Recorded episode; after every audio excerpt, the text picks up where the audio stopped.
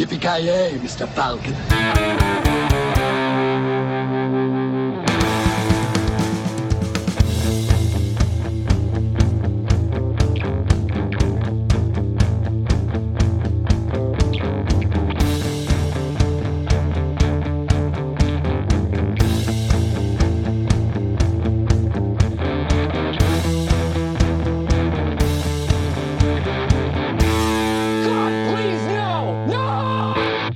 Tjena kära lyssnare! Välkomna till Filmsmakarna! Vi är tillbaka! För första gången på väldigt länge sedan så får ni två stycken avsnitt efter varandra, två kontinuerliga veckor efter varandra dessutom.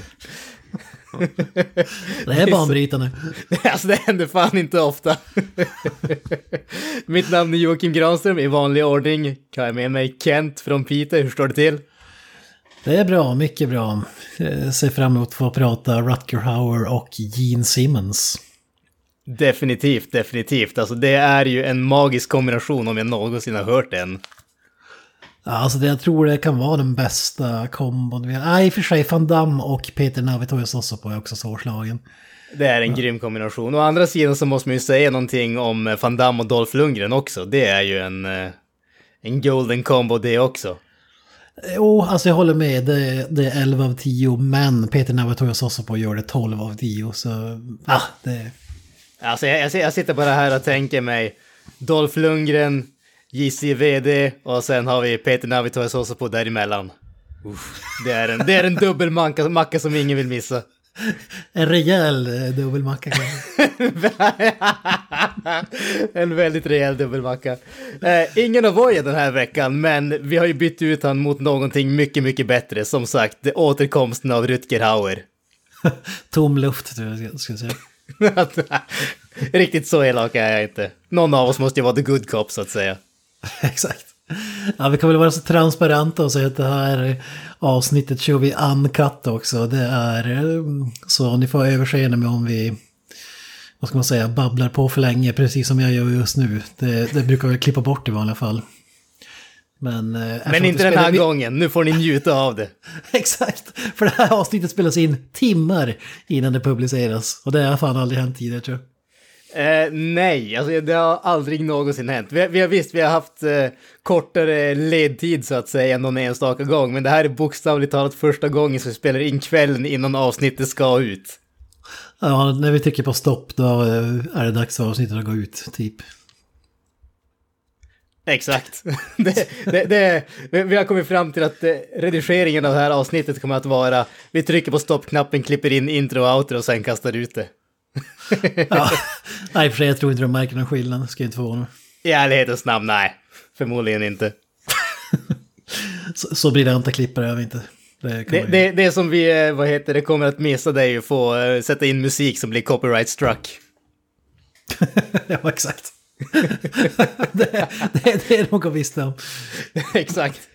På Alltså, tal om musik, vi har, eh, innan vi började med filmen så tänkte vi att fasken, på tal om Gene Simmons och sådana saker, Kent har ju gjort någonting så ohyggligt hemskt som att ge pengar till Mr. Simmons, nästintill direkt i handen. Vad fasiken är det du säger Kent? Vad har du hållit på med nu? Ja, men jag njöt ju av varenda slant jag pungade upp där borta. Det var en otrolig känsla att få ge tillbaka eh, någonting till den här eh, fantastiskt ödmjuke mannen. Exakt. Han som har gett dig så väldigt mycket njutning under så många, år, många långa år. Exakt. ja, men, ja, men det kändes det var ju sista chansen i princip att, nej i och för sig det var det inte för att eh, kort efter så annonserade Kiss att de skulle göra ytterligare 100 konserter på sin farewell tour som har pågått, som har pågått sedan typ 2019 eller vad fan det är. Så det, det finns Ja, alltså, så... ba- bara, bara hundra konserter till, det är ju ingenting. Ett sånt lagom konservativt nummer. Ja, fan, alltså det är så sjukt. Alltså, jag var ju på konserten i Stockholm då, ska jag säga, och eh, typ en vecka efter, eller vad det var, så spelade de i Göteborg.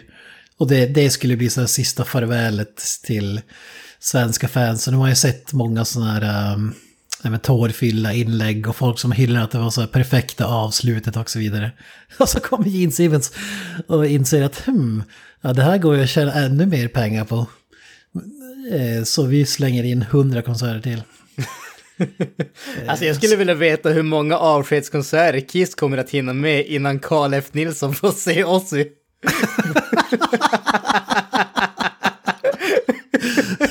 Åh herre, ja det är minst tre. Fan. Det känns som minst tre avskedsturnéer. Ja. Ja, men, vad tyckte du om konserten då? Alltså, de är ju definitivt kända för att vara väldigt teatraliska och även om man inte är ett fan av musiken, sätta på en jävla scenshow. Är det, gå- är, stämmer ryktet så att säga? Ja men det, det gör det absolut. Jag hade ju aldrig sett dem innan. Eh, Så det var ju nytt för mig. Eh, Och det måste man säga om Gene Simmons, han är ju en jävla sh- showman ändå. Han eh, kör det klassiska eh, hostar blod eller spottar blod på scenen och eh, han kör ju någon så här eh, eldslukande grej när han kastar iväg sitt svärd, eh, ett riktigt svärd på scenen och så där stappar det en kudde. Så som effekterna inte kunde dölja riktigt. Ja men det, det var ju jävligt mycket sånt. Alltså han... Eh, det är svårt att avgöra om det är så här eh, att han fortfarande tycker att det är kul. Eller man ska säga Paul Stanley är också likadan. Han är också showar ju lika mycket även om han inte kör ehm, eh, eldsprutande och blod och grejer. Men han, han hade ju till exempel under en låt där han åkte ut så här i publikhavet, klev upp på en eh, typ trapets eller vad man ska kalla det, hissades över och ställde sig i mitten av golvet och eh, sjöng där på en liten platå. Tyckte jag var rätt coolt ändå. Men, eh, så, men jag har insett när jag forskar lite efteråt att alltså vartenda nummer är ju ta mig fan alltså millimeter för mil- millimeter exakt som det var på typ 70-80-talet under storhetstiden. Okej. Så, så jag, tror- det här med att se dem fler gånger, jag vet inte om det skulle ge så mycket eftersom att det är exakt samma show, exakt samma låtar. Eller ja, i och för sig de nyare låtarna fanns ju förstås inte då, men alltså alla de här grejerna. För man tänkte ju, det var ju vissa gånger när Gene Simmons så här skulle, eh, när han stod under något gitarrsolo och eh, slickade Tommy Thayer, som han heter, den andra ena gitarristen, i ansiktet och grabbade tag honom i skrevet och sådär. Men, och då tänkte jag, vad fan, alltså, han verkar ha kul, alltså det är improviserat. Men och så gick jag tillbaka och såg bara någon sån här klipp från typ så här 70-80. Där han gör typ exakt samma grejer som man, med Ace Frehley som man gör med, med Tommy Thayer och sådär. Så, ja, men det är ju, det är fan hatten av att gå ut och göra de där grejerna eh, varje dag, det måste jag säga. Ja, nej fan, det, det är imponerande. De är ju inte direkt unga nu heller. Fan, Gene måste ju klocka in på närmare 70 barre i alla fall, kan jag tänka mig. Ja, 72 barre. Ja, alltså, det är fan inte illa. Nej, alltså jag, jag tyckte fan det var jävligt bra, över förväntan. Alltså, visst, de kör ju så många av de här äldre rockgubbarna med eh, lip-syncing som man kallar det, men så här um, vocal tracks som backar upp eh, rösten. Eh, alltså de har så här inspelat från en livespelning som då blev jävligt bra på typ 80-90-talet. Har, tar de så vissa spår och stöttar upp rösten. Det är jävligt många som gör så, typ Mötley Crüe bland annat om vi ska nämna något band. Alltså jag, jag tror att de flesta av de här gamlingarna gör det. Men jag tycker ändå att, alltså det märks inte när man är där tycker jag. Så att jag tycker ändå det är ändå bättre än att gå därifrån och känna att helvete var dålig. Alltså Paul Stanleys röst är helt slut. Alltså... Ja. Jag tror ändå att den... För det är ju inte så att man går, man går, ingen går och ser Kiss nu för att man tror att man ska få en sån här musikalisk awakening. Alltså när, när de är 72 år plus. Alltså det är ju bara, det är bara en sån där grej, se dem innan de dör typ.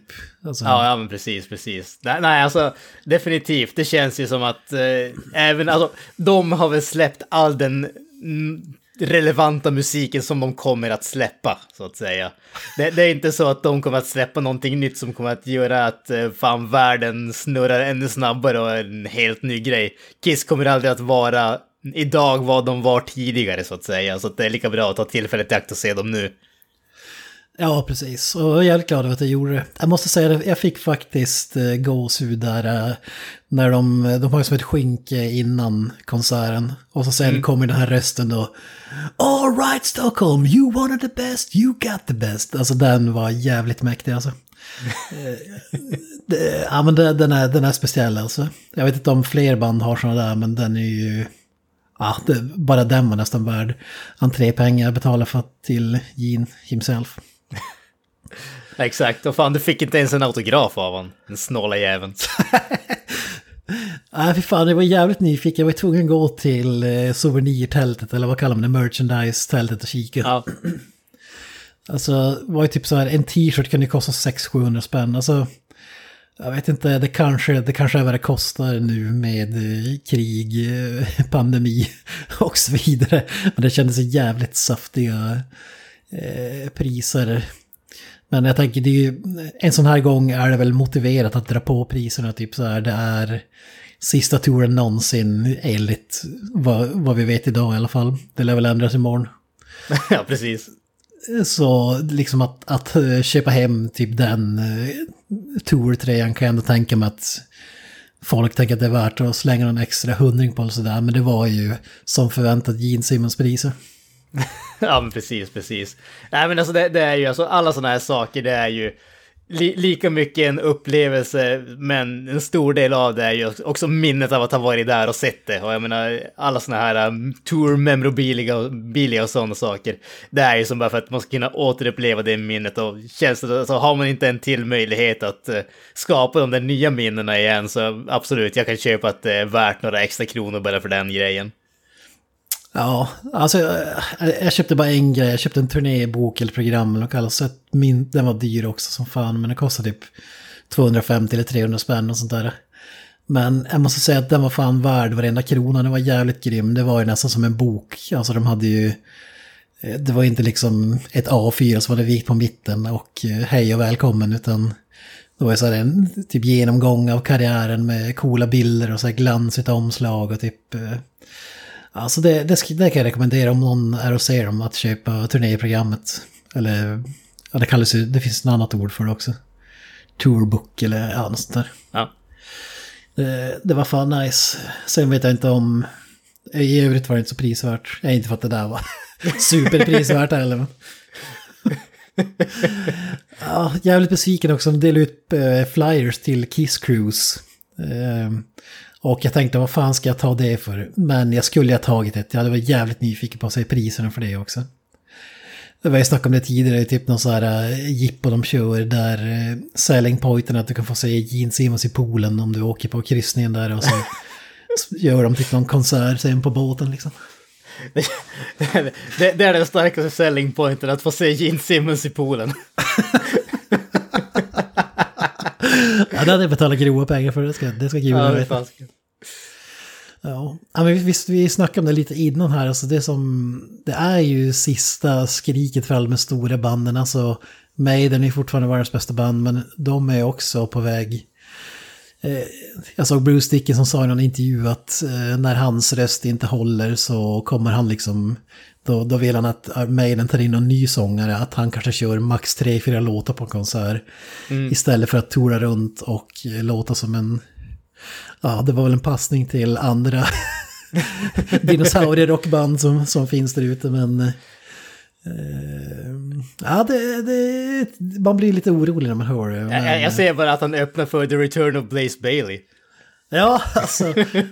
men det sjuka med Blaze Bailey är att hans röst har ju fan blivit bättre. Alltså, om man lyssnar på hans musik nu, alltså det, jag tycker fan han låter mäktigare än någonsin. Jag avskydde honom när skivorna kom och sådär, men nu idag tycker jag fan att han, han har spelat in och så, han har en YouTube-kanal eller någonting när han, han och en snubbe till som jag inte minns namnet på nu som kör så här gamla Maiden-låtar akustiskt och så sjunger han in eh, låtarna. Så rekommendera att kolla upp, eh, fan, Fan. eh, jävligt bra grejer tycker jag. Ja, alltså jag måste erkänna att jag tror inte, jag har nog inte hört någonting av han eller med han sen eh, Virtual Eleven på, var det, 90-talet. Så att jag är väl lite out of the loop, men Eller så kanske det blir Paul Diano. Det, det hade varit mäktigt. ja, kanske det way back when, då är vi riktigt. Vet, om han lever, jag vet inte fan. Han, han såg ut som någon sån här lost member i Slayer. Som hade inte gått på gymmet så att säga. Sista säsongen. Lost members there. Ja, det är ett sätt att beskriva snubben på i alla fall. Nej, men alltså, jag tror du har helt rätt där. Alltså som sagt, vi, vi pratade, just vi pratade alldeles innan här om att eh, Rammstein hade gjort ett eh, antal utsålda konserter i Göteborg och sådär. Alltså, just när, alltså visst, vi har fortfarande de här gigantiska banden, Ra Rammstein, Metallica, Iron Maiden och sådär, men alla de är ju gamla. Alltså det, det är ju, ja de, är ju fan mellan 60 och 70 år känns det som allihopa i stort sett.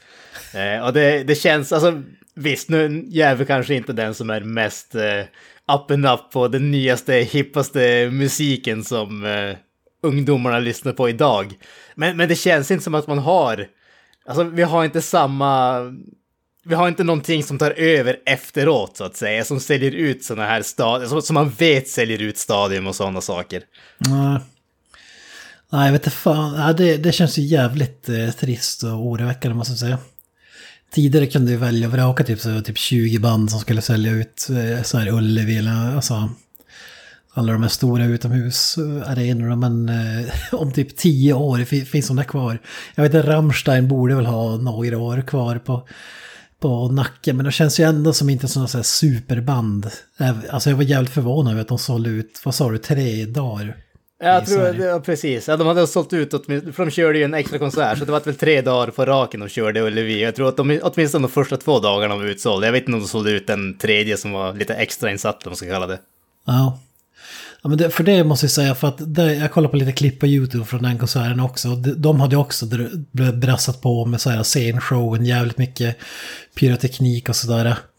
Det, det, hade ju Kiss också, det gör ju typ entrépengen värd. Alltså, men det känns som att det krävs sådana band som var med under sälja skivor-eran. Som typ skulle ha de cashen och kunna bränna på. Ja. Eh, alltså för att det måste man säga, Kiss, typ all, all, alla låtar hade ju någonting speciellt med numret. Alltså det är samma Maiden har ju också det, men Kiss hade ju jävligt mycket pyroteknik och sådär. Jag tyckte det var mäktigt, det var inomhusarena jag såg och sådär. Så det blir som en annan grej när det är inomhus jämfört med utomhus tycker jag med sådana grejer. Ja. Eh, det syns ju mycket bättre och känns ju... Det blir så, eftersom att det blir tajtare så känns det som större än vad det är kanske. Eh, utomhus tycker jag att det kan försvinna lite, men vad jag såg på Rammstein-bilderna så verkar ju de inte spara på pyrotekniken i alla fall, helvete. Nej, alltså jag, jag var ju såg dem, inte den här gången, men eh, innan pandemin i Stockholm. Och eh, dels hade jag jävligt tur för jag kom väldigt nära, väldigt nära scenen. Alltså jag var typ, vet jag, fem meter från den i, mot slutet av konserten. Jag var jävligt nära. Eh, men, men det är ju alltså definitivt eh, den fläskigaste konsertupplevelsen jag någonsin har haft. Det, det är ett... Eh, det, det, det, var verkligen mindblowing, eh, måste jag säga. Men, men samtidigt som du sa om Kiss där också, alltså det blir ju...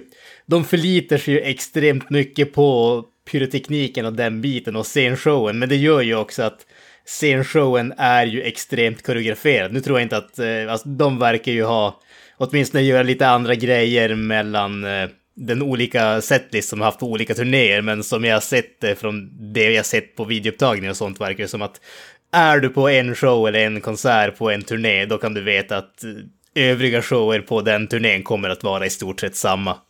Mm. Ja, så är det. Det, det, är därför jag tänker, typ Kiss, jag var jävligt glad att jag gick och såg dem, men kände, ja, i och för sig, jag, kanske hade gått en gång till bara för att jag tyckte det var så jävla bra. Eh, eller över förväntan. Samtidigt så vill man ju kanske inte, man kanske ska bli besviken nästa gång, så det är lite risky business, men...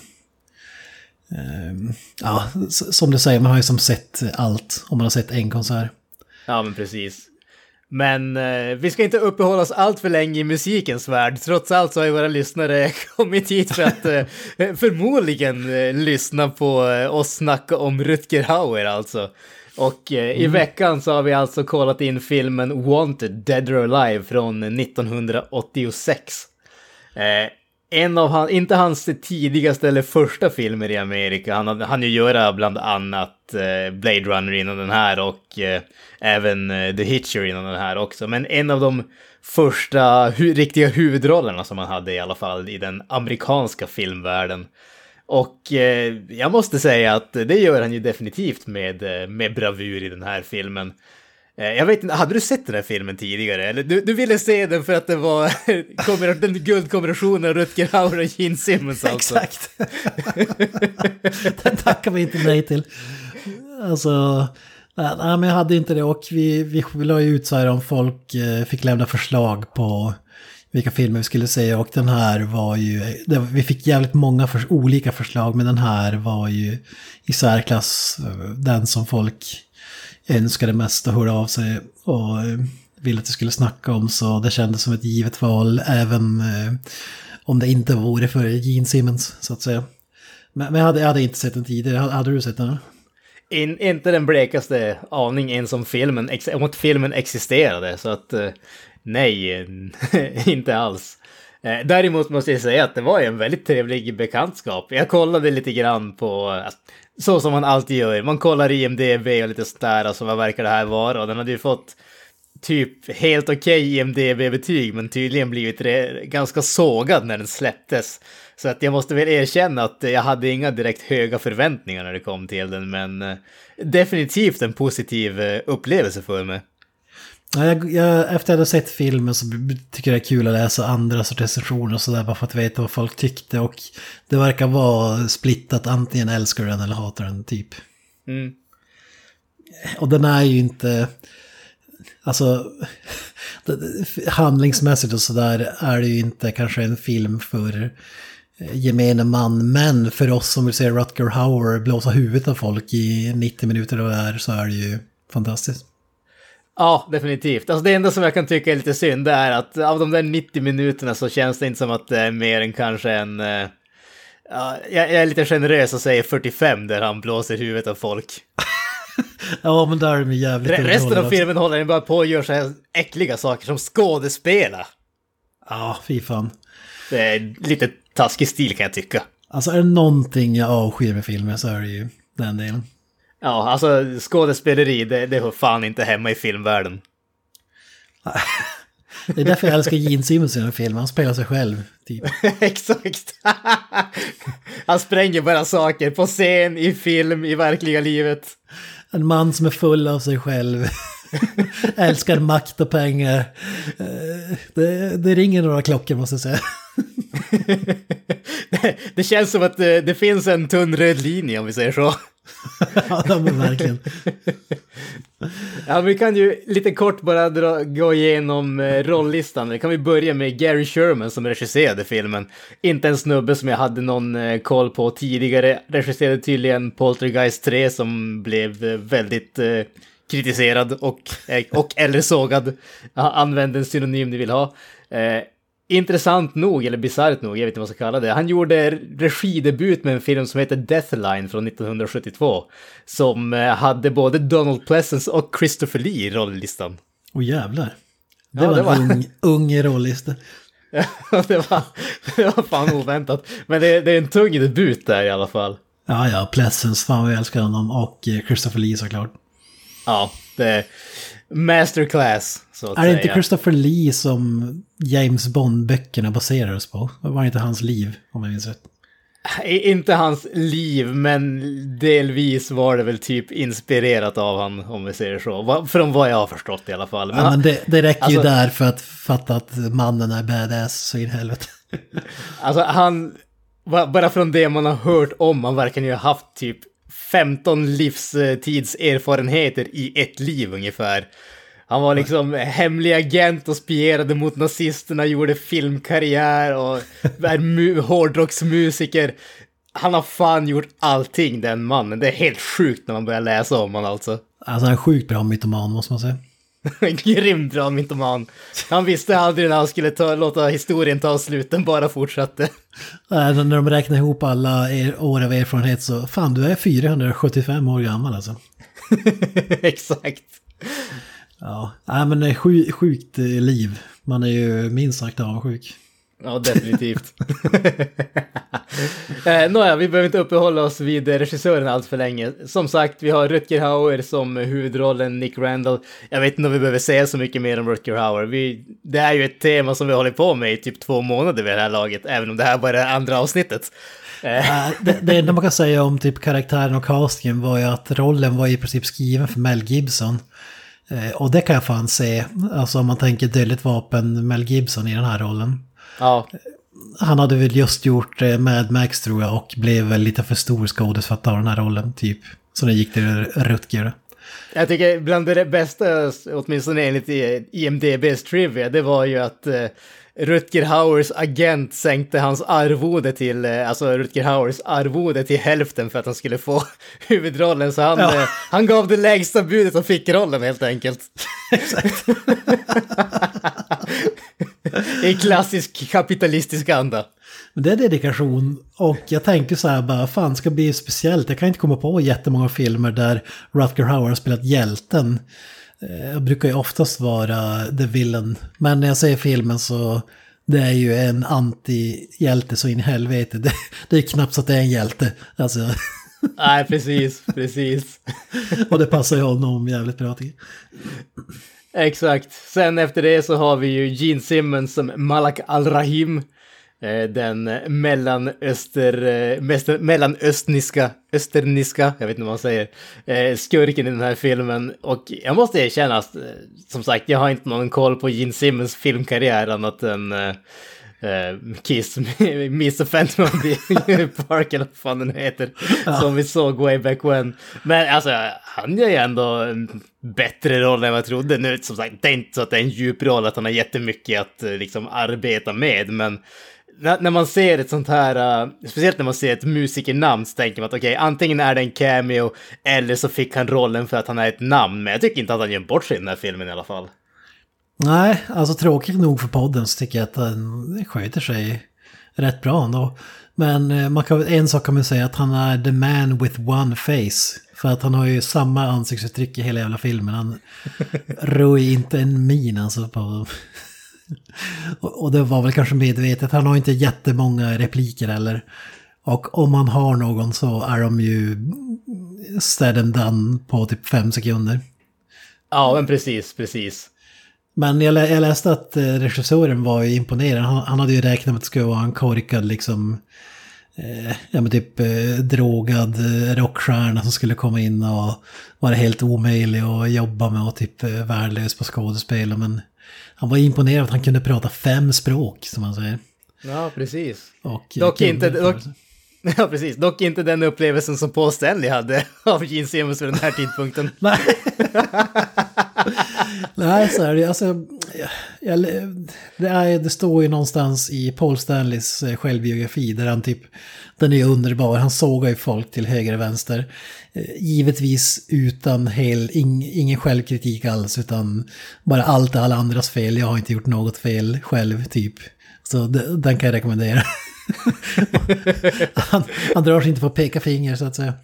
Men eh, där så berättar jag, jag minns inte vilken skiva det är nu, men jag, efter årtalet kanske det var Creature of the Night. Men någon lär level slå mig på fingrarna här, men vi, vi låter det vara osagt eftersom att vi inte kan klippa det här heller. Så någon skiva skulle de spela in. Och eh, han var jävligt ledsen på Gene Simmons för han drog iväg till Hollywood och skulle bli filmstjärna. Så det slutade med att han i princip fick skriva alla jävla låtar till hela skivan och fixa allt med producenter och grejer. Och så kom han tillbaka och liksom spelade in det. så, så han sa väl, sa, sa väl någonting i stil med att eh, ja, men typ, ja, jag kände till slut att jag var tvungen att dra i handbromsen och eh, se till så att han inte förstör allt det vi har byggt upp. Och det kanske är förklaringen till att Gene Simmons inte har så mycket roller efter den här filmen. Eh, förutom då cameos när han spelar sig själv. Nej, precis, precis. Men, men det ska man komma ihåg att Kiss var ju inte, har ju inte varit världens största band i alla tider. De har haft jävligt många svackor och sådär. Och, och sen har de väl alltid hittat något sätt att göra sig relevant igen. Men nu har de ju typ i princip sålt ut sig. Alltså, det är det jag älskar med Kiss. Jag känner mig så jävla hemma i fanbasen att det är precis, precis som med Star Wars så har det gått så här 50 år. De kom ut typ liknande också. Och så har det gått så här olika perioder, typ som prequel-filmer och sådär. Och vissa skivor var ju diskomusik till Kiss. Alltså de gick ifrån så här heavy metal hårdrocksband till disco och eh, Beatles och så vidare. Och så tillbaka igen och ta några varv eh, vidare till andra genregrejer bara för att hålla sig relevant. Och det har gjort att det finns ju, precis som med prequel-filmer, det finns ju de som gillar dem då och inte gillar de gamla, typ och tvärtom. Så jävligt splittrat sådär, jävligt to toxic fanbase och det, det gillar man ändå. Att folk, ja men jag hatar den där, den där är värdelös, det här är så jävla bra. Nej men den där är så jävla dåligt, det var bara på 70-talet det var bra och, och så vidare. Alltså det, det mest chockerande med Kiss är väl att de inte har släppt ett dubstep-album. Ja. alltså hade det varit pengar i det hade vi säkerligen fått uh, se ett uh, släpp. Det är väl det Gene Simmons sagt att det är inte ekonomiskt försvarbart att göra en skiva idag. Det kostar bara pengar och det är ingen som... Du tjänar ingenting på det så då är det ingen idé att göra en så mycket för den artistiska, vad säger man? Integriteten. Integriteten, ja. ja men alltså, det är ju alltid... Någonstans känner jag att man måste ändå ha respekt för de som inte hymlar om varför de gör saker.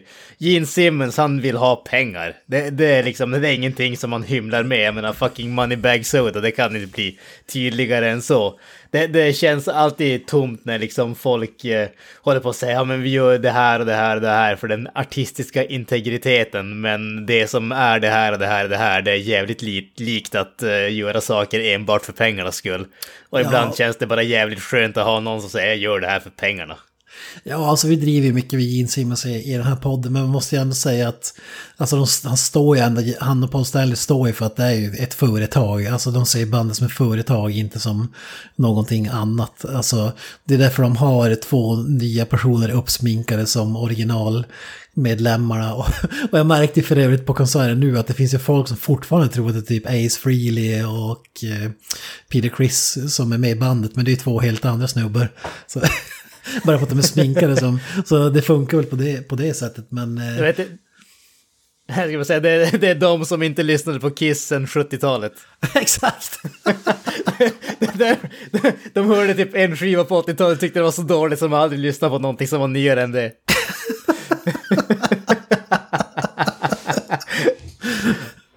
Ja, oh, hur fan. Ja, hur fan. Ja, det är underbart.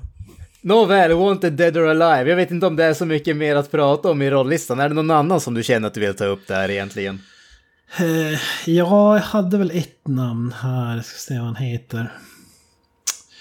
Uh, Robert G Gilami, eller Giami. Guillaume skulle jag väl säga. Guillaume.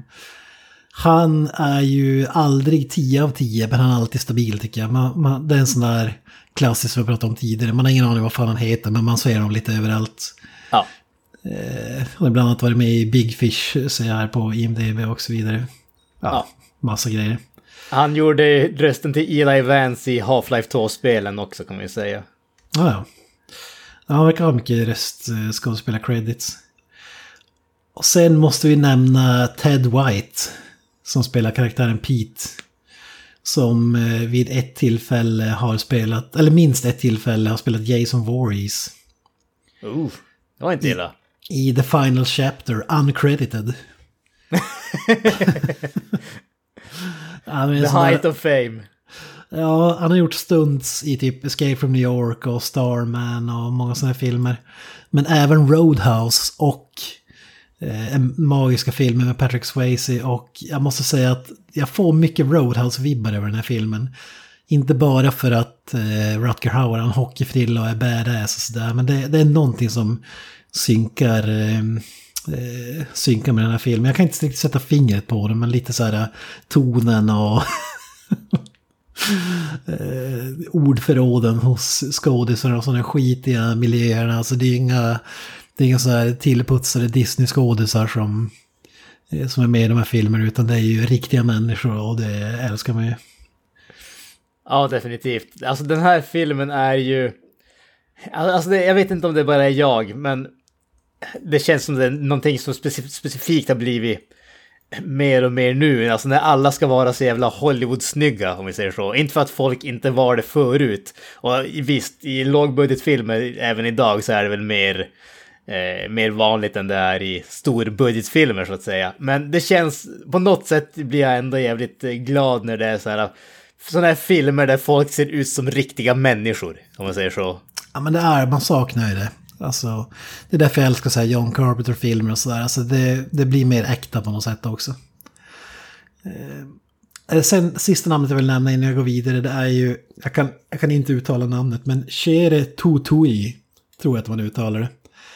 Som spelar Young Vietnamese Woman som blir typ antastad i en liquor store.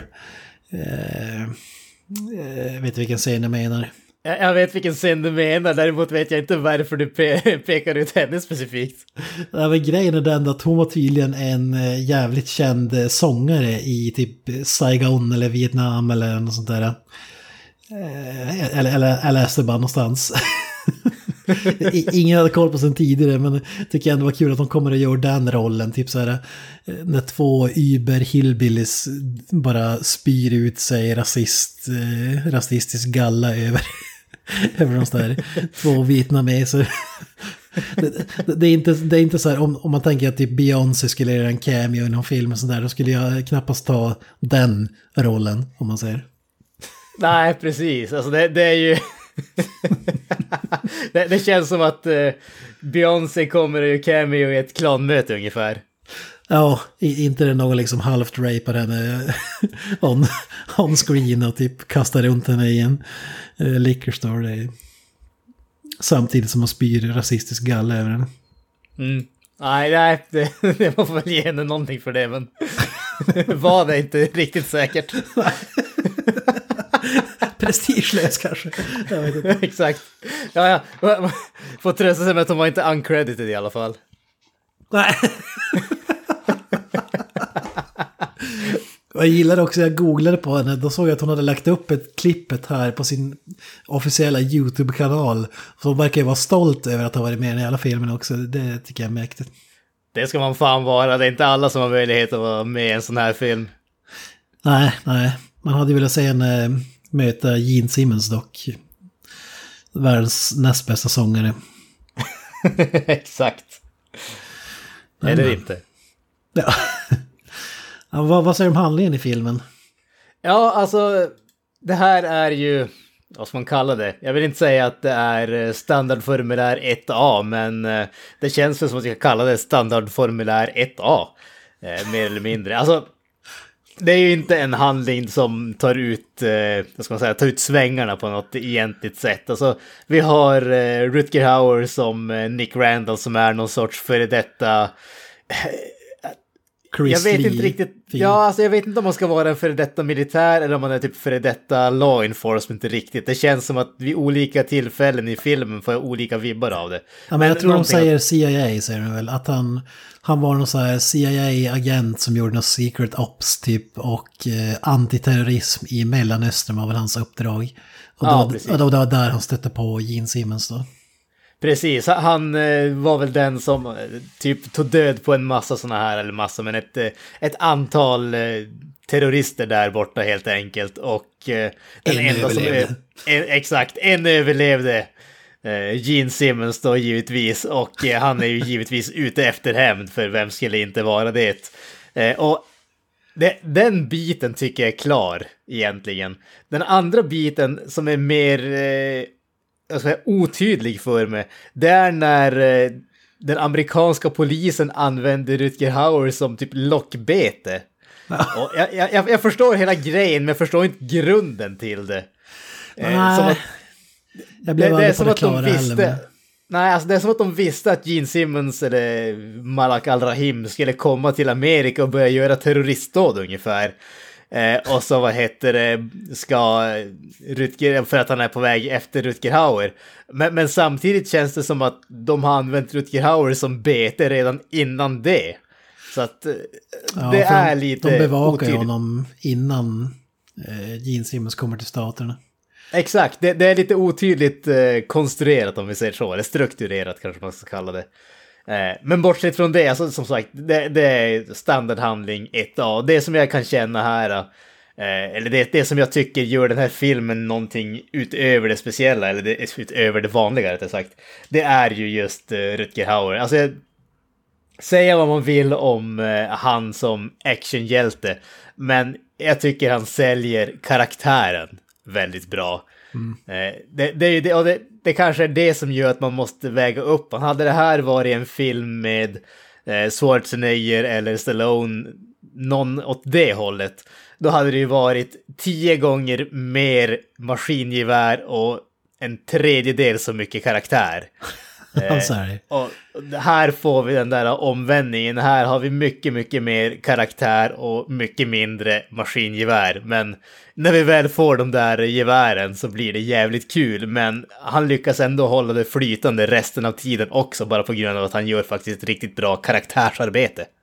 Men det tror jag också har att göra med för att jag läste om att eh, regissören här skriver tydligen typ en biografi för varje karaktär. Alltså sjukt, eh, du får, vi får ju aldrig säga det på duken, men det finns ändå den bakgrunden och djupet ska finnas, precis som Michael Mann då tog som exempel i den texten jag läste. Eh, Att han, alltså, bara för att få, få mer djup och, och bredda karaktären och sådär, då har du ju mer att jobba med än om någon säger typ här, håll i den här pistolen och skjut den här snubben. Alltså, eh, så, så det tror jag också är till eh, Rutger Hauers eh, plus.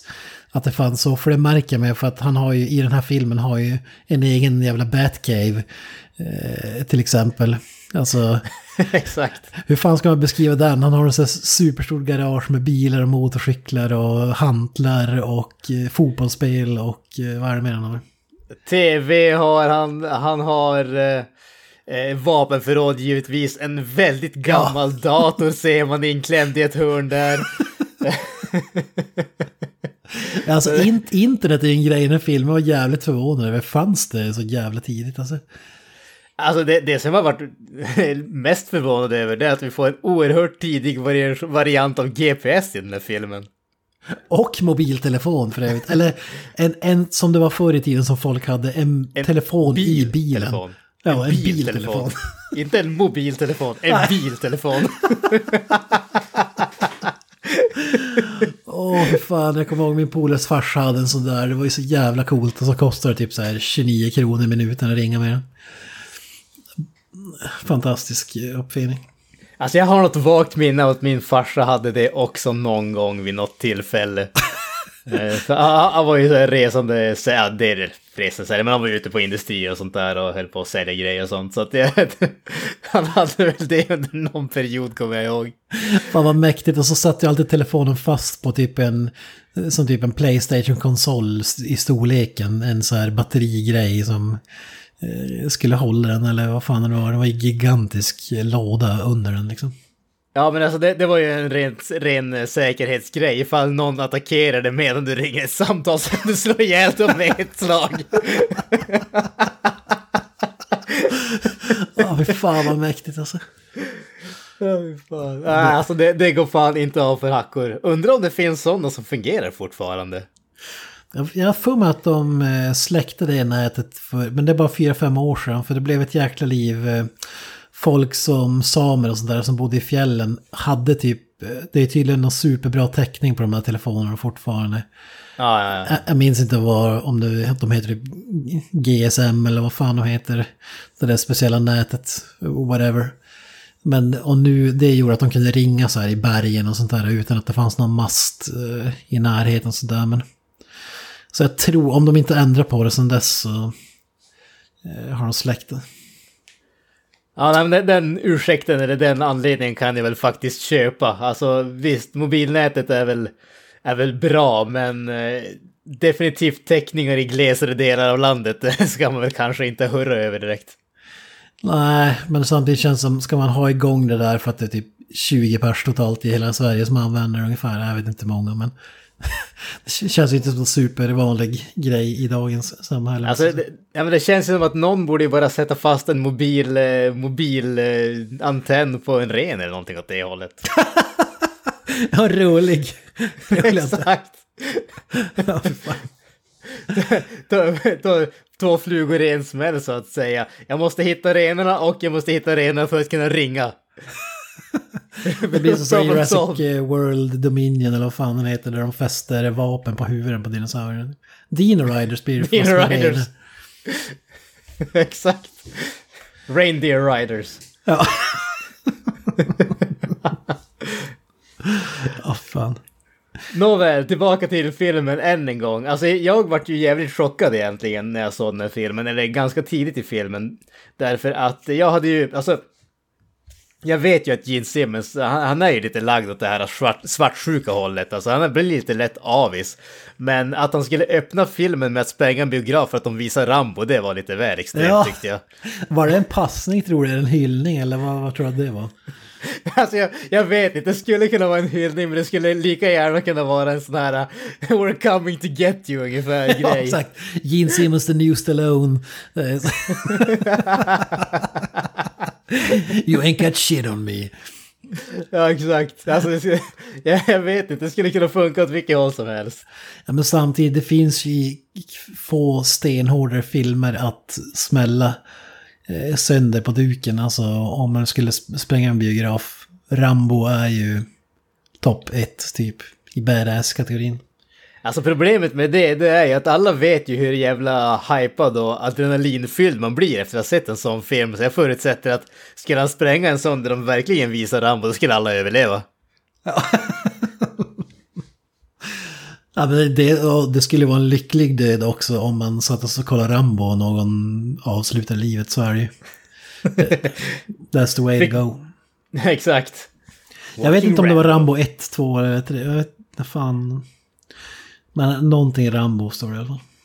Det står Rambo. Jag vet inte, alltså rent spontant känns det som att det borde bli Rambo 3, för de första två var väl bara First Blood Part 1 och Part 2, är det inte? Ja... Ja, det, jag vet inte fan. Jag googlar här. Rambo 3 kom ut 88. Ja, då kan det inte vara det. Ja, då måste det vara någon av de första då. Ja, men det kanske inte var någon bioaktuell film. Man kanske bara tog i Rambo för att eh, Rambo är Rambo liksom. Ja, precis. De ville att eh, Stallone skulle känna att fan, de har... De står i ryggen. nacken. Exakt, flåser i nacken ja. Och Så. så heter det. Jag vet inte om vi sa det, men eh, Gene Simmons från Security Kiss, snåljävel, mästare på att sälja ut, spelar i ett så kallat amerikanskt rockband. Eh, jag får nytillkomna lyssna handlar alltså om Gene Simmons eh, från Kiss, ett så kallat eh, amerikanskt eh, rockband. Hans karaktärsmotivation är att han ska ta koll på Rutger Hauer. Men innan dess vill han typ få så mycket uppmärksamhet som möjligt, tolkar jag det som. Han vill att alla ska få reda på att det är han som gör skiten och sen ska ta koll på honom. Eller har du någon annan tolkning? Nej, alltså jag har... Det där än en gång, alltså den här filmen är lite udda strukturerad, men det är ju, alltså, han gör ju sådana där bisarra grejer som när han lämnar fingeravtrycket utanför biografen. Det, det är också en sån där grej som, okej, han lämnar det och då vet de vem han är och så är alla på spaning efter han när han skulle kunna utföra terroristdåd i det fördolda och döda hur många som helst. Men han vill definitivt att folk ska veta att det är han som gör det. Ja. det alltså, det, det, är väl- det är känns väl som ändå att... en klassiker så här. eh, Det är jag, ni vet att det är jag som gör det men ni kan inte stoppa mig för att jag är eh, smartare än er och så vidare. Typ. Seriemördargrejen. Fast det, kän, fast det känns ju som en grej som är mer seriemördare än terrorist. Det här är ju som så... Seriemördare, där är det ju mer personligt ungefär. Han har en person åt gången som han dödar på hemska sätt. Här spränger han typ hundratals människor varje gång. Och, och när jag spränger Rambo-biografen då ringer jag ju till en newspaper och berättar att ja men det är jag, jag är tillbaka från Jemen eller vad fan den är. Eh, och eh, jag ska utföra ett terrordåd här, skriv om det typ. Ja, precis. Och så sen smäller han biografen. Ja, jag läste att eh, var någon... När, när filmen släpptes var det någon kritiker som hade skrivit att det var den mest orealistiska delen av filmen.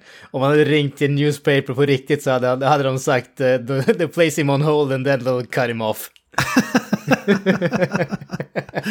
Tala in ett meddelande efter pipet. Precis. ja, men inte om det är Gene Simmons som ringer då, då går det för i kön. Det måste vara det kortet som spelar så att säga. Ingen hänger upp, hänger upp på Gene Simmons. Jag tyckte även när vi är inne på Gene Simmons att det var lite kul. Han spelar ju en snubbe som ska vara från Mellanöstern och terrorist. Och han är född i Israel så han tyckte att det var lite känsligt då att eh, spela en person därifrån. jag vet inte, är det här för mycket... Eh, hade det här ansetts, fått någon så här eh, PK-rasist-stämpel om han hade spelat den här rollen idag eller? Vad tror du? Eh, jag tror inte att det hade varit ett problem om Gene Simmons hade spelat honom bara för att han kommer från den delen av världen. Däremot tror jag att... Eh, Hade det varit Matt Damon? hade det varit Matt Damon hade det definitivt varit en annan grej. Men jag, jag kan nog tänka mig att det hade varit ganska känsligt, bara just den här eh, terrorister från Mellanöstern som kommer och spränger saker i Amerika. Det, det, tror, jag, det tror jag hade varit lite lätt känsligt. Eh, Ja, före sin tid måste man säga. Precis. Jag vet inte, var, var det här en grej i filmer innan 9-11 och så vidare? Men det kanske var det, jag vet inte. Alltså det här var ju några år innan 9-11 i alla fall. Åh oh, jävlar. Eh, alltså jag vet inte, det finns väl alltid sådana där... eh, Klassiska The Russians typ i den här eran. Ja, men precis. Alltså, du, du har ju, som sagt, The Russians, de har ju varit med sen Bond på liksom 70-talet ungefär. Eh, så att de, de var väl kanske lite uttjatade om vi säger så. Eh, så att det känns väl som att de här var väl nästa offer, höll jag på att säga. Men, Nästa logiska steg. exakt. Nästa offer. Ja, det är lite grisigt. Men. Ja, man, man ska ju säga det att det här är absolut ingen PK-film när det gäller svordomar och kalla folk för öknamn och så vidare. Vad fan är det? Cocksucker, raghead, väl för att de säger någon gång. Ja, och det är inte... Men det... Ah, fan, det, det hör till ändå tycker jag. Ja, men lite så är det. Alltså man får inte... Fan, en sån Alltså här filmen film... är over the top, då måste man få go over the top på den fronten också. Ja, men det, jag håller med dig till 100% där. Alltså lite grann med... Alltså, det, det som är den roliga grejen med alla de här gre- gamla filmerna, det är ju hur... Hur långt de faktiskt vågade gå och just att fan vi ser ju inte sådana här saker idag för vi måste ju vara finkänsliga och hela den, hela den biten. Fan, skit i finkänsligheten, gör det bara over the top så att, så att alla kan njuta av det så att säga. Nu kommer jag låta som en sån där gammal gubbe som klagar om att det ska heta chokladboll och så vidare. Men på, på, de, på den tiden tror jag inte att det var anmärkningsvärt att säga såna här grejer. Alltså det var väl bara, ah, okej, han säger cocksucker typ. Alltså det är inget mer med det. Nej men precis, det, det är ju definitivt ingenting. Alltså det, det, alla filmer från den här tidseran var ju så... Ja, det måste man ändå säga. Alla, alla kanske inte var det, men de som hade den här typen av inriktning i alla fall kan man säga. Ja, ja. Var badass genom att vara racist och sexistisk och så vidare. Det, Ja men det, det är det bästa sättet att visa maskulinitet helt enkelt. det, finns ingen, det finns ingen annan väg, det finns inte. Det, är en, det enda sättet. Åh, fan. Eh, Jag vill bara nämna innan jag glömmer bort att Gene Simmons var lite sur för att han fick spela Skurk i filmen för att eh, han hade spelat Skurk i den här filmen Runaway bland annat. Han hade väl gjort någon film innan också. Eh, Han var lite stött över att han inte fick spela hjälterollen. Men jag har svårt att Det- se honom som en hjälte faktiskt. Ja precis, alltså han, eh, han känns ju inte som en hjälte i verkliga livet. Så att det är svårare att honom som en hjälte i, på film. Ja, men I hans huvud är han ju förmodligen Rambo, fast Rambo 3 då, in real life. Eh, det, det kan jag tänka mig, den självbilden eh, kan vi nog ändå... Jag tror inte att det är rätt eh, långsökt att anta den grejen. Nej, precis. Eh, vad heter det, vi får ju lite, vad ska vi kalla alltså vi får ju en ganska lång uppbyggnad i den här filmen. Alltså när, eh, dels har vi Howard då som eh, undersöker eh, saker och sånt där samtidigt som vi får se poliserna både försöka använda som lockbete och eh, få in mer information om eh, Mm, vad heter han? Malak Al-Rahim. Eh, en, en, av de, en, av, en av de ytterligare sakerna som jag hade lite svårt att förstå, det var den där eh, agenten som tydligen hade något samröre med eh, de där terroristerna. Alltså var det någon double cross eller va? För han, han har ju en stor del i filmen från början och då sen så sticker han, sen säger de andra liksom stick till det där stället. Och så går han dit och så blir han dödad och sen typ det enda man får höra sen efter det, det är typ ah, he'll, he'll be fine on his own eller någonting åt det hållet. Och så nämns han aldrig mer igen i filmen. ja, det är extra jävla oklart. Jag förstod inte riktigt beefen där mellan, eh, men eh, ja, kanske att han trampar dem på tårna och så vidare. Eh, och att de vill ge igen av den anledningen. Men jag vet inte fan vad han hade för samröre med Gene Simmons och de grabbarna. Nej, det, det var högst oklart. Ja, men det är väl sådär, ja, fan det, det, är inte så viktigt. Det, enda filmen går ut på att få se Rutger Hauer jaga bad guys och spöa upp folk innan vi får en rendezvous med Mr. Gene Simmons och jag tror fan, eh, minns jag fel, eller det är typ sista tio minuterna som de karaktärerna möts för första gången typ. Alltså... Ja, precis. De möts ju inte förrän, eh, de möts inte förrän eh, Rutger Hauer stjäl lastbilen och börjar köra efter Gene Simmons som är på väg till den där eh, kemikaliefabriken i sin lastbil. Exakt, så hela filmen fram till dess har ju bara varit att Rutger Hauer har spöat upp random snubbar i jakten på, ja vissa är det på jakt efter svar vart Gene Simmons har köpt grejerna och vem de har sålt dem till och sådär. Men andra känns bara som så här, ja okej det här är något random. Men det, det är kanske för att visa att han är en Bounty Hunter. Eh, jag vet inte, att det är den grejen också kanske. Ja, men jag tror att det är mycket det. Just, alltså dels för att uppbygga att han är ett, ett badass ändå. Eh, samtidigt, alltså till viss del kan jag väl tänka att det är lite grann därför att eh, om vi säger så här, eh, slutfighten, eh, slutstriden där eh, Gene Simmons kanske inte är i sitt esse just den delen av filmen. Så att ha flera konfrontationer mellan de två kanske... Eh, jag misstänker att eh, Gary Sherman kanske insåg att det var inte till filmens fördel om vi säger så. Men jag tänker, Gene Simmons behöver inte roundhouse-kicka honom eller sådär, men jag tänker ändå att det borde någon scen när han spränger en bomb och han är i närheten och typ... Alltså, eller att de typ... Ja men han, han spränger ju, han spränger ju eh, båten. Ja, jo, men var inte det en fejkad sprängning? Va? Nej.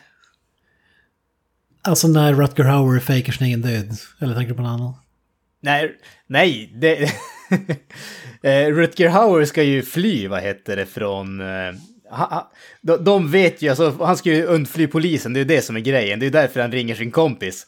Så att eh, han tar ju, ber ju sin kompis låtsas att han är han.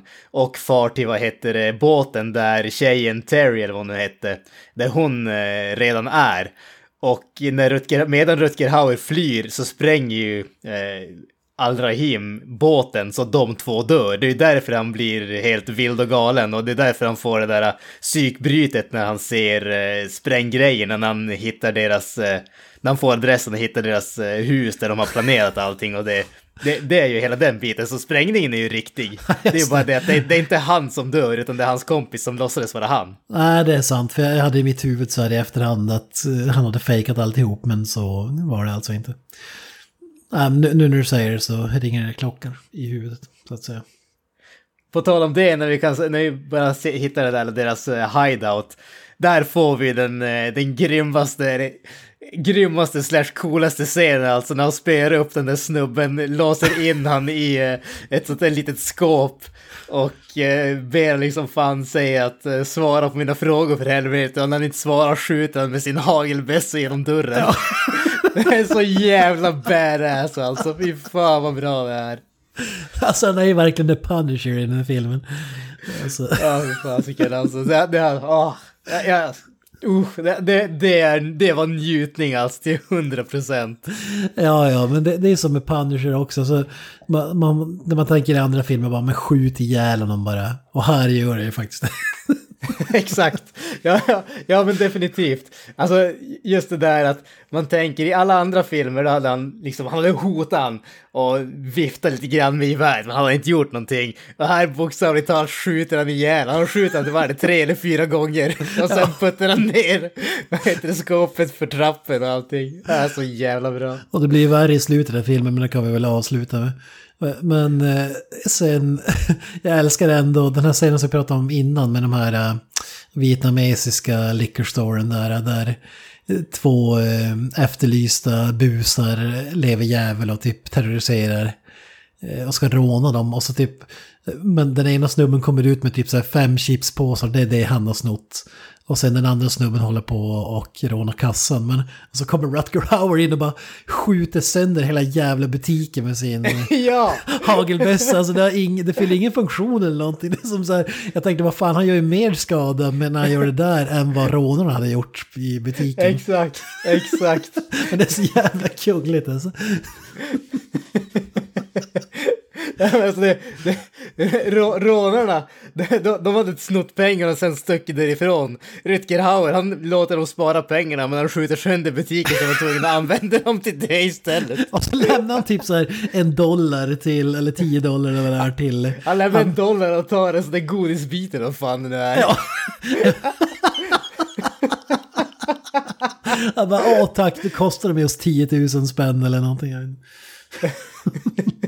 Fy fan alltså. Oj, oj, oj. Den är så meningslös att den är underbar.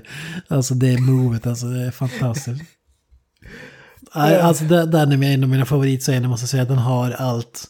Den är överdrivet, typ eh, We should have nuked new guys in Nam. Eller typ "Åh, i- om jag hade varit där så hade jag sett till att det hade blivit så. Eller och typ vad nu snackar om den här rånaren. Så jävla sjukt. Det är inte den lilla så här förolämpningen. Nej.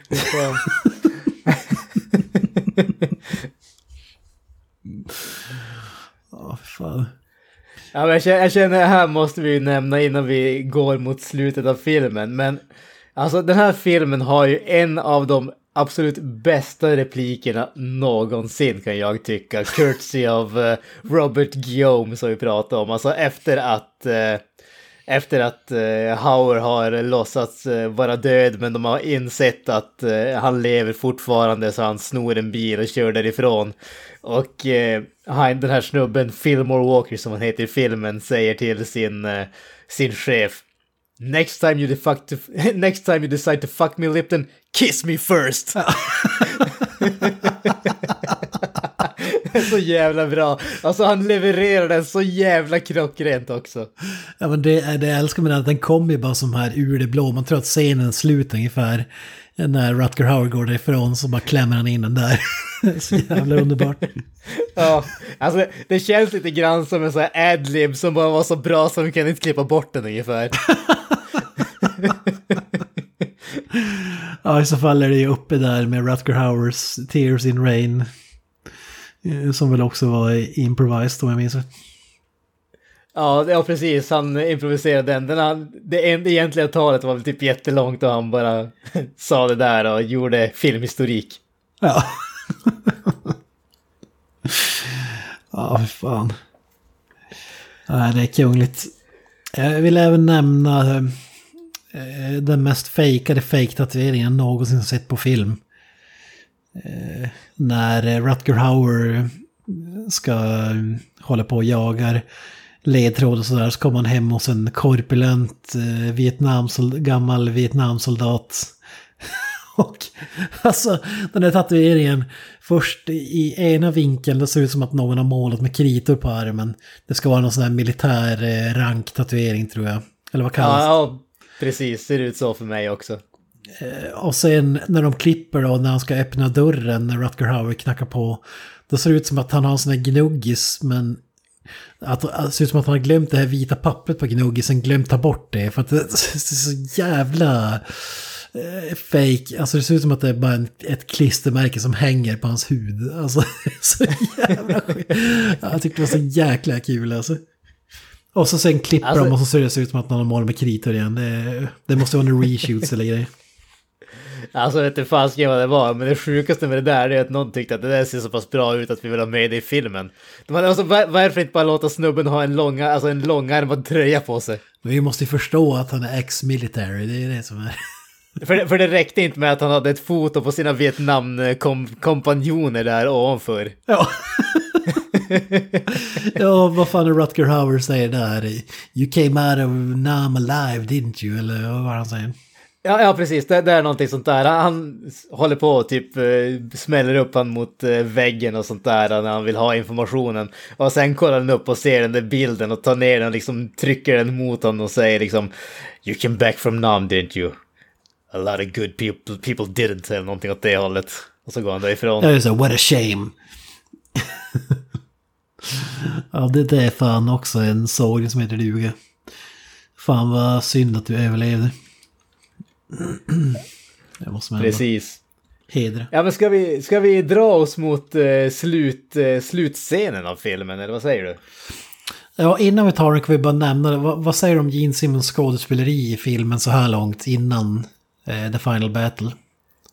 Ja men alltså jag tycker det håller. Som, som vi sa tidigare, alltså han gör inte bort sig men han har ju inte, jättem- han har inte jättemånga repliker eller sånt där heller utan han är ju, de repliker han har det är typ en mening i taget och sen så går det tio minuter innan vi får nästa replik från honom. Så han har inte, han har inte mycket utrymme att fucka upp det men jag tycker ändå att det är helt okej här, det tycker jag. Han står och kisar och ska se arg ut i alla scener typ. Försöker han se arg ut? Okej, den, den biten missar jag. Ja men eller... jag. Jag trodde bara att det var så hans ansikte såg ut hela tiden. Ja, det är det som är svårt att avgöra för att han har ju samma ansiktsuttryck i hela jävla filmen. Det, det kanske är hans eh, naturella pose, vem vet men. Det, The man with one face. det kändes som att regissören har sagt till honom typ att ja men du måste se ut som att du ska mörda någon i, i alla scener. Eh, men eh, ja, who knows, det kanske bara var hans, vad säger man, normala ansikte, ansiktsuttryck. Ja, precis. Sett till typen av film där så finns det väl sämre saker man kan säga som regissör. Ja. Men jag måste också säga att om man skulle beskriva Gene Simmons ut som den här filmen så ser han ut som en välfriserad Borat ungefär. Eh, Typ den bästa eh, liknelsen jag kan göra. Ja, alltså det är inte helt ute och cyklar. Det, ja, jag kan ändå se det, jag kan se det. För att den är just på gränsen att det blir bara parodiskt. Men eh, han är ändå... ja, de är ändå fix, de har lite hårgelé eller vad fan det är som gör att han ser lite Ja. vårdad ut. Annars har det varit Borat eh, all night long alltså. Det, det kan vi ta det bara för, bara för sakens skull när, när du tog upp det där. Eh, Jag började tänka till, tillbaka till när han hittade deras hideout. Och så hittar han, deras, hittar han en sån där flaska med rakskum eller raklödder. Eh, Och en rak hyvel och så tänker man okej nu har Gene Simmons liksom rakat av sig skägget, ser helt annorlunda ut. Nope, det ser exakt likadant ut som han gjort resten av filmen. Ja, vad säger du om det lösskägget och de här uh, ortodoxa uh, judelockarna han har uh, i början av filmen när, han- när han klipper av sig skägget? Det, Ja, exakt. Men det gör ju med en sax dessutom. ja, där tänkte jag okej, det är på den här nivån vi är på. Alltså, han, han ska se ut som typ Papphammar eller alltså hela jävla filmen. Men som tur var så försvinner de där uh, usla perukerna och lösskägget. Man ser när han klipper i skägget så ser man att det är inte riktigt skägg. Det är ju bara trasslar ihop sig liksom som en jävla nystan. Ja, ja, definitivt. Fantastiskt. Ja men vi kan väl hoppa till sista scenen då. Ja, men precis. Alltså, som sagt, vi, vi har kommit till eh, slutet av filmen. De vet vars Gene Simmons är på väg. Rutger Hauer har eh, följt efter. Han har hoppat på eller hängt kvar i en sån här lastbil som ska transportera eh, vad heter, tunnor fyllda med både soldater och eh, dynamit och sånt där till det stället också.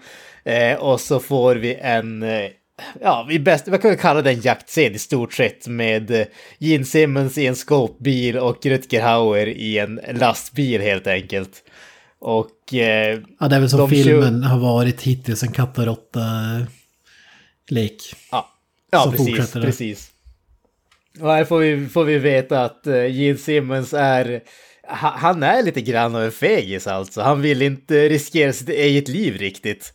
Eh, han, eh, vad heter det, soldaterna hans misslyckas ju och tjejen som kör bilen som han, eh, vad heter det, som han sitter i, det som han åker med säger att vi tar hand om det här och han säger liksom nej för fasiken, jag vill inte göra det. Och, sådär. och hon säger, hon insisterar och han tar fram pickadollen och skjuter hon i huvudet och börjar köra själv så han inte behöver riskera sitt eget liv. Ja det är ju hatten av. Ja, alltså det gäller att look out for number one så att säga. Ja, men så är det ju. Eh, men de, det slutar ju med att de här krockar, eh, Hauer och eh, Jean, och så eh, fortsätter hela jakten på fot med lite gevär och sen blir lite, lite tveksamt handgemäng, kan vi kalla det så. Eh, ja, det kan man väl kalla det. Eh, och eh, vi får ju en sån där, eh, vad ska man kalla det, en fake-out alltså, där vi tror att eh, där vi tror att han har dödat Gene Simmons. Men nej, det har han inte. Han har dock proppat en stor jävla handgranat i munnen på honom och vandrar ut till sina eh, till eh, poliserna som står där ute och väntar på honom och han är precis beredd på att eh, lämna över dem. Han gör upp eh, med, vad heter det, polischefen där, Lipton, som tidigare nämnde att eh, pengarna som han skulle få för jobbet ska gå till hans eh, döda kompis fru och hela den biten. Men han kommer att hämta upp den där bonusen på 50 000 dollar själv. Och sen så får vi bara en sån där eh, kort eh, bit, om man säger så, och sen bara fuck the bonus och så drar han ut eh, triggern eller sprinten ur handgranaten och går därifrån och alla bara springer och så exploderar Gene Simmons. Ja, Gene Simmons huvud exploderar. Det är helt fantastiskt slut på filmen alltså. Alltså det, det där, alltså bara, bara den där one-liner, så fuck the bonus och bara dra ut sprinten, det är så jävla badass alltså. Ja, för fan vad mäktigt det är. Det, alltså det, det enda jag önskar där, det var att vi fick en fetare blodsprängning ungefär. Jag förstår varför, jag menar visst, det, är en eh, relativt sett ganska snäll film ändå på så sätt De vill inte göra liksom till eh, gore eh, eller ubervåld direkt, men det hade varit jävligt trevligt att få se det. En gorefest. Ja, ja, ja men någon sån här traumafilmaktigt, man får se hur, alltså det är typ en melon som sprängs ungefär och sprutar bara blod och grejer. Det hade ju varit magin och... Ja, definitivt. Men alltså på det stora hela så måste jag säga att det, det är väldigt få klagomål jag har på den här filmen alltså. Den, den håller riktigt, riktigt bra tyckte jag. Det enda klagomålet jag har är att den går lite upp och ner. Alltså det... Eh, ibland, som vi sa tidigare, känns det lite långt mellan när han jagar skurkar och sånt här. Och det är mycket annat dravel emellan som inte är så intressant. Men Eh, när den väl växlar upp och är den filmen man tänker att det är, då är den ju jävligt underhållande alltså. Alltså, jag, jag, jag, håller, jag förstår hur du tänker, jag håller inte riktigt med där. Eh, av egentligen en anledning. Det, jag kommer tillbaka till det där med strukturen.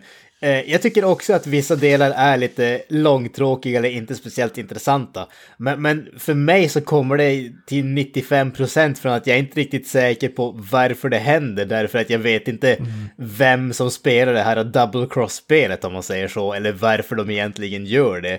Jag tror att hade man fått den biten lite bättre förklarat hade man inte upplevt att filmen hade känts lika... Dalarna hade inte varit lika låga om man säger så. Nej, för det blir som, okej okay, nu är vi och eh, shaka loss, eller försöka skaka loss några nya clues genom att spöa upp en tionde bad guy här och det är typ samma frågor fortfarande. Alltså det är som... men, men med det sagt, det är ju de scener som är de roligaste. Så... Ja. Eh, ja, jag, jag, köper det. Jag, jag tar, skal hellre bort eh, att handlingen inte make så mycket sens och har de här underhållen scenerna istället. Så det måste man säga. Ja, ja, definitivt, definitivt.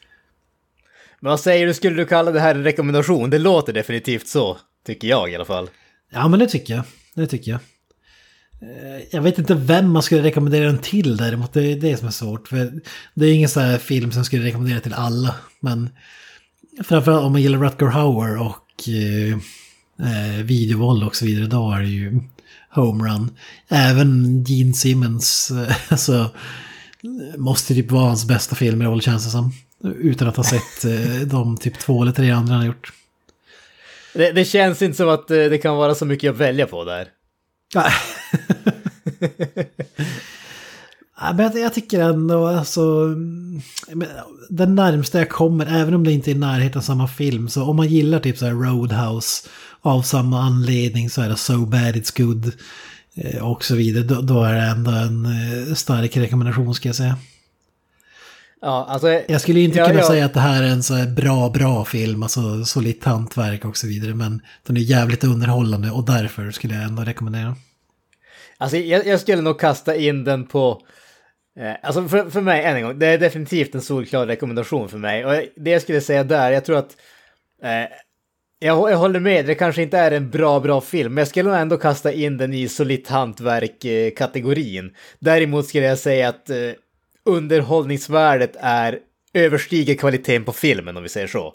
Exakt. Eh, det, det, definitivt är det åt det hållet, men alltså än en gång, Rutger Hauer-fans, de, för, för dem är det här ett must see så att säga. Eh, sen ska jag ändå säga, alltså bara folk som tycker om, tycker om, om de här klassiska actionrökarna från, ja, om man säger 80-talet, eh, första hälften av 90-talet. Alltså den där du har de där klassiska steroidfyllda snubbarna, gigantiska snubbarna med maskingevär. Tycker du om de filmerna så är den här filmen definitivt värd att se. Inte för att den är exakt samma grej, men därför att den tar samma koncept men vänder på steken lite grann i och med att som sagt mer karaktär, lite mindre maskingevär, men när vi väl får de grejerna så är det ändå jävligt bra. Ja, och sen är det som vi pratade i Hitcher, det är The Rutger Hauer Show. Alltså... Ja, definitivt. Han, han är ju, det är ju en one-man show nästintill det här. Ja, men det är ju...